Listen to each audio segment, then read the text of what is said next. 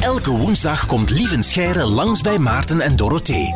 Om een makkelijk antwoord te geven op een moeilijke waarom-vraag. Dag lieve, goedemiddag. Een goedemiddag. Hey. Met ons alles goed, met jou ook. Jazeker. Ja, maar ja, we vragen dat zo gratuit, maar hè, voor hetzelfde geld zegt hij nee, het gaat eigenlijk heel slecht. Ja, maar dat kan, hè. Dat is altijd zo gevaarlijk. Ja, dat is op zich is dat een belangrijk thema. Hè, dat Ja. mensen ook, als het niet goed gaat, is, moeten kunnen durven zeggen van eigenlijk niet. Ja. Maar misschien hier niet op de radio. Nee, Wow, ja, pas op, hè, als er iets is, je mag het altijd, je kan we- altijd bij ons terecht lieven. Als we een klapje nodig hebben, gaan we elkaar wel vinden. Dat is Voilà, goed. is dat. voor deze week hebben we voor jou deze vraag eruit gekozen. De vraag van Noah, die zijn mama Anne doorstuurde. Waarom hebben mensen verschillende kleuren? Boeiende vraag, hè. We gaan heel ver terug moeten gaan in de geschiedenis en dat is altijd plezant. Lieven, het is aan jou. Ja, mensen hebben verschillende huidskleuren. Eh, de mens is zelfs doorheen de geschiedenis verschillende keren van huidskleur veranderd. Wij komen oorspronkelijk allemaal, onze, onze verre, verre voorouders wonen allemaal in Afrika. Hè. Dus 200.000 jaar geleden was de Homo sapiens sapiens een soort in Afrika. En die had toen een donkere huid. Maar die donkere huid die hebben we ook maar gekregen omdat wij nog veel daarvoor, als primatensoort, het haar verloren zijn. Ja? Dus vroeger, ja, net zoals de gorillas en de chimpansees, stammen wij af van een primatensoort die behaard was. Dat haar is op een bepaald moment eh, uitgevallen. Wat is dan het probleem? Dat is dat de zon op uw huid schijnt. En zonlicht, ja, we weten waarom dat we zonnecrème smeren. Dat, dat dringt door in uw huid en dat kan daar schade veroorzaken. Zowel aan uw cellen als aan uw DNA zelfs. Je kunt daar huidkanker van krijgen. Dus die huid waar het haar van afgevallen was, opeens werd die beschadigd door zonlicht.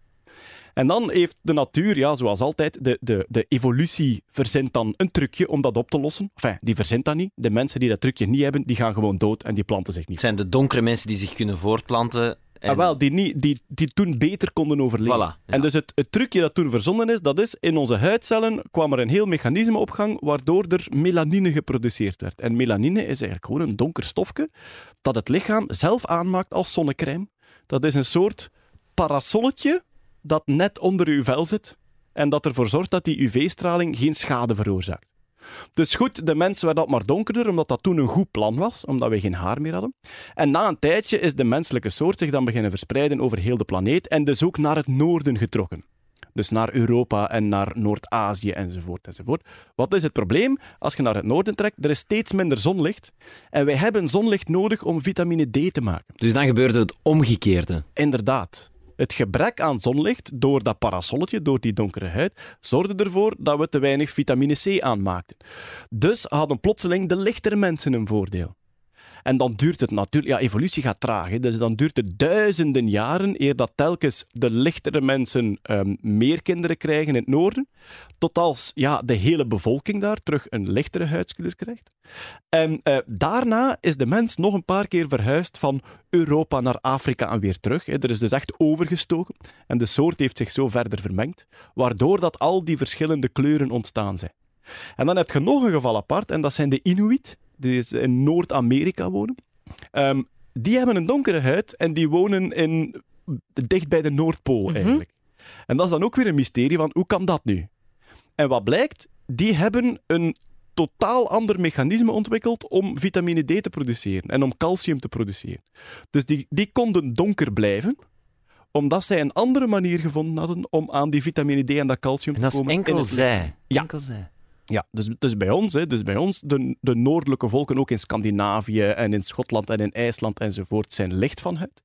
En dan daar in Noord-Amerika zijn ze donker gebleven. Ook waarschijnlijk omdat die zo noordelijk wonen, dat er toch te weinig zonlicht is, zelfs als je een lichte huid hebt. Dus je moet wel een ander systeem hebben om vitamine D en calcium te maken. Vitamine D heb je nodig voor calcium, onder andere, in je botten. En wat blijkt, gemiddeld gezien, als je alle vrouwen en alle mannen bekijkt in een regio, zijn de vrouwen iets lichter van huid dan de mannen. En de reden zou waarschijnlijk zijn dat een vrouw tijdens de zwangerschap en tijdens de borstvoeding meer calcium nodig heeft. Dus dat een lichtere huid dan een voordeel is om die hogere calciumproductie te kunnen ondersteunen. En zo is de mens gewoon een machientje. Ja. En de evolutie is ook maar iets dat het machientje dat best werkt, dan een beetje bevoordeelt. En het machientje dat dan plotseling door nieuwe omstandigheden minder goed werkt, weer een beetje benadeelt. En zo loopt dat allemaal door elkaar. Vraag me wel af waar we gaan eindigen over een paar duizend jaar zo.